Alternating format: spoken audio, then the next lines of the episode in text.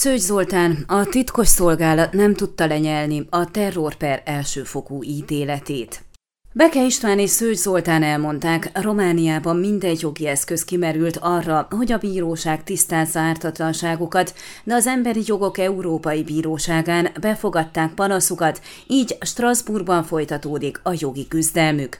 Amint Szőcs Zoltán fogalmazott, elsősorban azt sérelmezik, hogy miután első fokon a pirotechnikai eszközökre vonatkozó szabályok megsértése miatt róttak ki rájuk éppen annyi büntetést, amennyit korábban vizsgálati fogságban töltöttek, az utolsó tárgyaláson az ügyészség kérésére a legfelsőbb bíróság megváltoztatta az ügy besorolását, és anélkül ítélkezett, hogy megadta volna a lehetőséget az új besorolás elleni védekezésre. A perükben történt váratlan fordulatot azzal magyarázta, hogy a titkos szolgálat nem tudta lenyelni az elsőfokú ítéletet, számolva az MTI. Beke István és Szőcs Zoltán köszönetet mondott mindazoknak, akik kifejezték szolidaritásukat.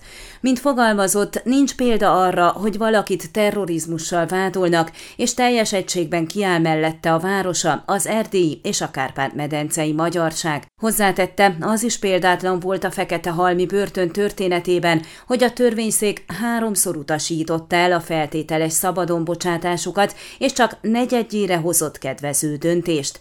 Ártatlanok vagyunk, nehéz volt eltűrni ezt az egészet, jelentette ki Beke István.